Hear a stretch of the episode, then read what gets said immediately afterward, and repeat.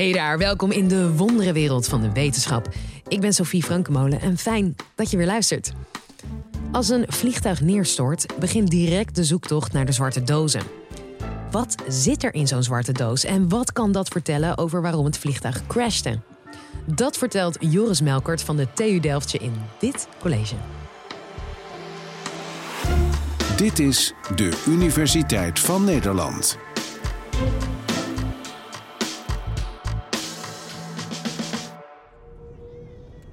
31 mei 2009. Ongeveer half acht avonds vertrekt vlucht Air France 447 van Rio de Janeiro op weg naar Parijs. Een hele normale vlucht over de Atlantische Oceaan, die in een 10,5 uur de passagiers eh, in Parijs moet brengen. De vlucht vertrekt normaal, maar na een paar uur opeens niks meer.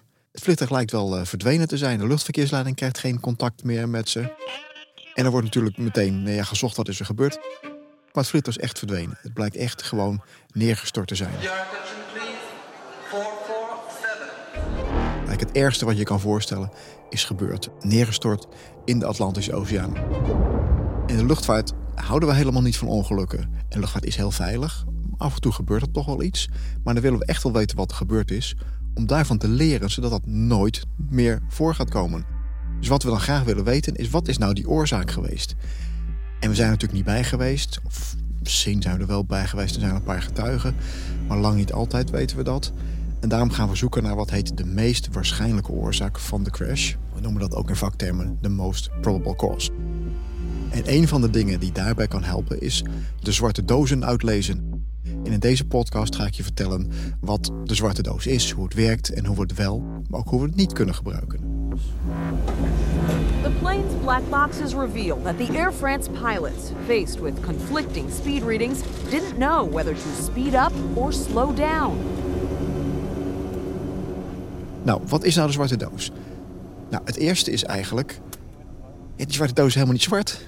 Hij is knaloranje. En waarom is zo'n zwarte doos nou knaloranje? Nou, om ze makkelijker te kunnen vinden. In de natuur zijn er eigenlijk heel weinig dingen die knaloranje zijn. Alleen mandarijnen en sinaasappels zijn knaloranje. En voor de rest heeft alles in de natuur een andere kleur. En dat betekent dus als je iets zoekt, ja, iets dat verloren gegaan is in, in de jungle, dicht bebost, dan zoek je iets met een contrasterende kleur. En dan moet je die dingen oranje maken. Dus de zwarte doos is niet zwart, maar oranje. Waarom heet die dan hemelsnaam een zwarte doos, zou je zeggen? Ja, dat weet eigenlijk niemand heel goed. Maar het komt waarschijnlijk uit de begintijd van die zwarte dozen. Eh, En die zijn gekomen zo rond de jaren 50, jaren 60 van de vorige eeuw. Toen de eerste straalverkeersvliegtuigen gingen vliegen. En daar gebeurden ongelukken mee. En wilden graag achterhalen wat gebeurd was. Maar ja, als er dan geen overlevenden zijn, kan niemand het meer navertellen. Dus kwam met de gedachte op nou, je moet dat gewoon opnemen. Je moet een soort, soort datarecorder eh, maken, een soort, soort bandrecorder, die dat dan opneemt. En daar heb je wat elektronica voor nodig. En elektronica in die tijden was allemaal juist meer een soort zwarte magie. Dus misschien dat daar wel de term black box vandaan gekomen is. En eigenlijk is er niet sprake van een zwarte doos, maar er zijn er twee. In ieder vliegtuig zitten twee zwarte dozen. En ik ga straks uitleggen welke twee dat dan zijn. Maar vast even de namen. De Flight Data Recorder is de ene en de andere is de Cockpit Voice Recorder. Waar vind je nou die zwarte dozen? Nou, die zwarte dozen die zitten achter in het vliegtuig. Vaak onder het verticaal staartvlak. Heel goed ingebouwd op een veilige plek van het vliegtuig. Dus eigenlijk misschien wel de meest betrouwbare plek waar je zeker weet dat ze het overleven. Dat ze een crash overleven. Dus als je nou eh, in zo'n vliegtuig eh, stapt en je loopt door de business class en je bent eigenlijk een beetje jaloers van daar had ik nou willen zitten, moet je misschien maar denken, nou, achterin waar die zwarte dozen zit, is misschien wel een veel veiliger plek. Misschien zou je wel eens een beetje cynisch kunnen zeggen, de mensen in business class zitten in de crashzone, de kreukelzone van het, eh, van het vliegtuig. Nou, hoe ziet zo'n zwarte doos eruit en hoe zorgt hij nou voor dat data opgeslagen wordt en hoe zorgt hij nou dat dat veilig bewaard blijft? De buitenkant van die zwarte dozen die bestaat uit staal. Er zit een stukje, een, een stukje op waar alle elektronica in zit. De Black Magic kant van het geheel. eh, Maar de echte belangrijke dingen die staan op ja, soort chips, soort SD-kaartjes die heel goed opgeborgen zijn. Met een heleboel laagjes daaromheen wordt dat veilig gemaakt. Zodat, zo veilig dat je ze altijd kan terugvinden. Dat ze altijd heel blijven. Dat ze het altijd blijven doen. eh. En als ik gewoon even ga kijken, dan zitten die chips eerst op een soort printplaatje gesoldeerd. Dat is aan zich heel kwetsbaar.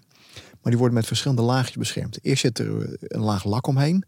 Om ze gewoon te beschermen tegen vocht. Tropicalizing eh, noemen ze dat. Dan zit dat hele pakketje ingesield in een laagje rubber.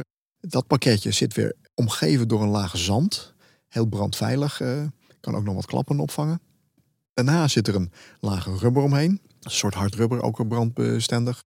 En dat zit dan in een ja, hele stevige stalen cilinder. En die cilinder is ja, gewoon een aantal millimeters eh, dik, heel stevig staal. eh.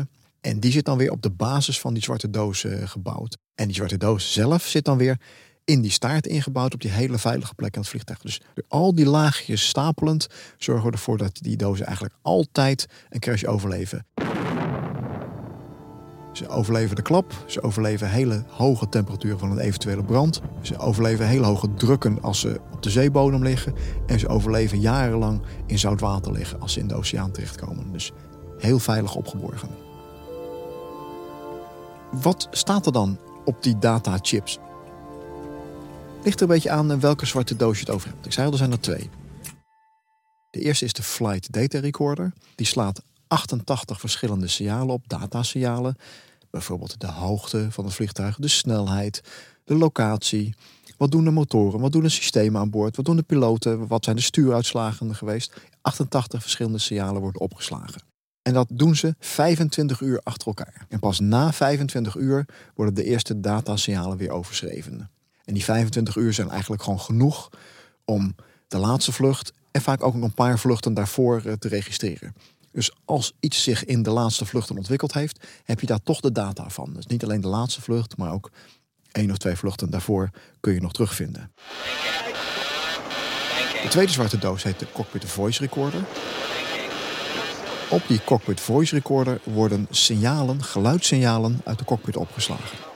In totaal zijn er vier microfoons eh, geïnstalleerd op verschillende plekken. En daarmee worden de, de gesproken teksten van de piloten worden opgenomen, de contacten met de luchtverkeersleiding, maar ook de signalen uit de omgeving, de geluidssignalen uit de omgeving. Dus als er iets misgaat in de vliegtuig, gaan er vaak eh, toeters en bellen rinkelen. Nou, dat wordt dus allemaal opgenomen met zo'n microfoon en op een geluidsspoor eh, gezet. En soms kun je daar hele slimme dingen mee doen. Een, een heel, ja, misschien eigenlijk wel triest voorbeeld is het geval van MH17.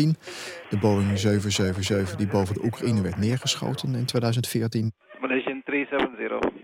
Malaysian 370, contact Ho Chi Minh 120 decimal 9. uh, Good night. Good night, Malaysian uh, 370. Daar heeft men uiteindelijk met behulp van die cockpit voice recorder kunnen achterhalen waar de raket is ontploft die het vliegtuig neergehaald heeft. Zo'n raket dat is eigenlijk een heel gemeen eh, wapen. Die hoeft niet eens in te slaan in het vliegtuig. Die hoeft alleen maar in de buurt te komen van dat vliegtuig. En dan zit er aan boord van zo'n raket zit er een, eh, wat dan heet een proximity fuse. Een nabijheidssensor die detecteert of er een object in de directe omgeving is. Een metalen object, een vliegtuig in dit geval. En als dat het geval is, dan ontploft hij. En dan ontploft hij op een vreselijke manier. Dan heeft hij een soort, soort kop waar allemaal metalen fragmentjes zitten. En die, die, die, laat hij ontploffen en die gaan alle kanten op. En die penetreren werkelijk alles. eh. En we konden met gegevens van die cockpit voice recorder uitrekenen waar dat dan gebeurd was. eh. Want je hebt dus vier verschillende geluidssignalen. Die zitten op vier verschillende plekken in de cockpit. Worden die microfoons geplaatst en wordt dat geluid dus opgenomen.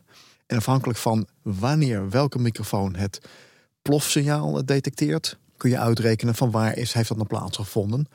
Dat zijn echt milliseconden eh, tijdsverschil, maar die kun je registreren. En daarmee kon dus achterhaald worden dat die links boven de cockpit eh, tot ontploffing is gebracht. Dus de cockpit voice recorder neemt alle geluiden op in die cockpit. En die doet dat voor eh, twee uur en daarna wordt die weer, weer overschreven. Dus de laatste fase van die vlucht hebben we altijd goed bewaard. Nearly two years ago, Air France Flight 447 mysteriously crashed in the Atlantic, killing 228 people. Now, with the flight recorders finally recovered from the ocean floor, we know more about what happened in the final harrowing moments of that Rio to Paris flight.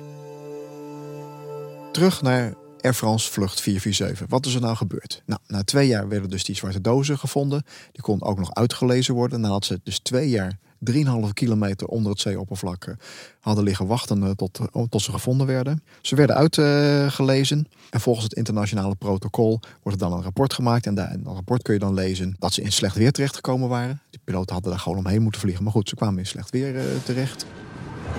Liège, 209 nœuds. En toen bleek dat één of meerdere van de sensoren waarmee de vliegsnelheid gemeten wordt dichtgevroren is door, door, door regen of hagel. eh. En toen had de piloot dus een verkeerde snelheidsaanwijzing. En dat ging dus gewoon helemaal verkeerd. Ze wisten niet meer hoe hard ze, ze vlogen. En ze hebben daar echt verkeerd op gereageerd. En uiteindelijk het vliegtuig overtrokken. Ze hebben te langzaam gevlogen. En toen is het vliegtuig gewoon letterlijk neergestort. Gewoon in de oceaan eh, gestort. Wat hebben ze nou gedaan? Nou, die cockpit voice recorder uitgelezen, die flight data recorder uitgelezen. In die flight data recorder zien ze dus een aantal rare dingen. Slecht weer eh, komt eraan, die, die, die snelheidsaanwijzing is niet meer correct. En dan kun je op de cockpit voice recorder terug horen hoe dat dan op gereageerd wordt. Wat de piloten dan gedaan hebben, wat ze geroepen hebben, hoe ze geprobeerd hebben dat vliegtuig te redden. En dat is helaas toch fataal afgelopen. Hold up. Up. C'est pas vrai. Hold up. Maar qu'est-ce qui se passe? Dus in dit geval hebben die zwarte dozen gewoon echt een belangrijke bijdrage geleverd aan het achterhalen van die most probable cause, de meest waarschijnlijke oorzaak. Zwarte dozen geven niet altijd de oplossingen. Het is vaak één van de puzzelstukjes die in die hele grote driedimensionale puzzel gelegd moeten worden om die meest waarschijnlijke oorzaak, die most probable cause, te achterhalen. Een voorbeeld waarbij de zwarte dozen eigenlijk weinig informatie gaven, was China Airlines 661. eh, Een vlucht die in eh, 2001 ook fataal afliep. Heel plotseling verdween die van de radar. En toen bleek eigenlijk, later in het ongevallenonderzoek, dat er iets heel raars aan de hand was geweest. Het bleek dat 22 jaar daarvoor had het vliegtuig ja, een slechte landing gemaakt en had daarbij de grond geraakt met zijn staart. Dat heet een, een tail strike. En dan was de achterkant, de onderkant van de staart was beschadigd geraakt. Die was gerepareerd, maar die reparatie was niet goed uitgevoerd. En heel langzaam maar zeker in de loop van 22 jaar was daar langzaam een scheur ontstaan in die staart. En in die fatale vlucht brak opeens die staart af. Die scheur was te groot geworden. En de staart viel er gewoon letterlijk vanaf. Ja, en dan zie je dus helemaal niks aankomen op de flight data recorder. Je kan nog alleen maar misschien de paniek horen op de cockpit voice recorder van wat is hier in hemelsnaam aan de hand. Dus vaak levert het een belangrijke bijdrage aan het ongevallenonderzoek, maar soms ook niet. Het is in ieder geval wel een van de belangrijke puzzelstukjes eh, die je nodig hebt.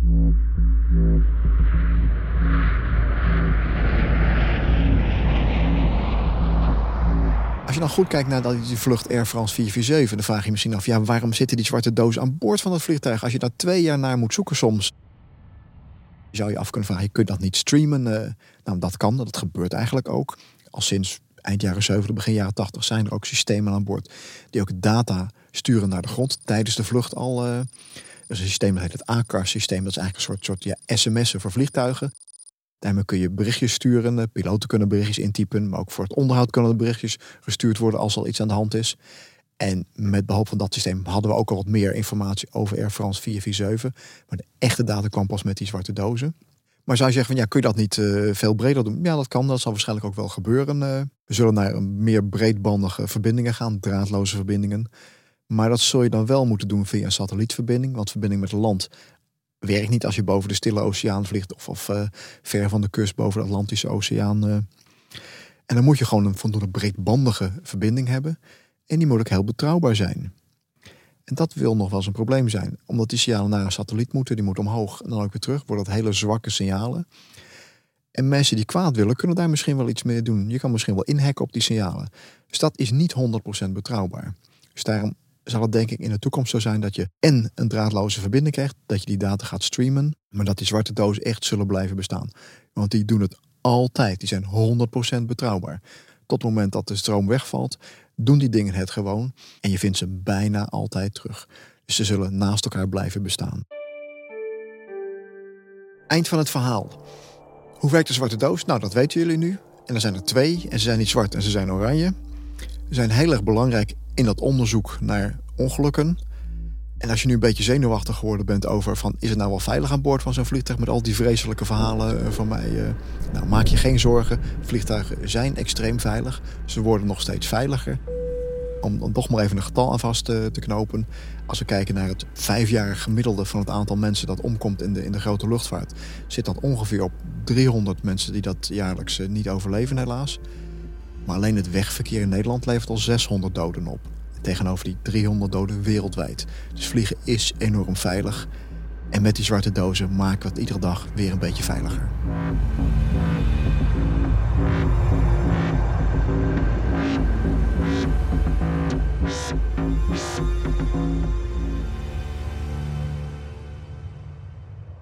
Dat was Joris Melkert. Ik hoop dat je het een boeiend college vond. En ken jij nou ook een wetenschapper die je graag een keer hier in deze podcast zou horen? Waarvan je ooit eh, les had of hebt? Misschien je allerleukste wetenschapscollega? Nou, tip ons dan. Stuur een mail naar podcast.universiteitvannederland.nl. Tot de volgende!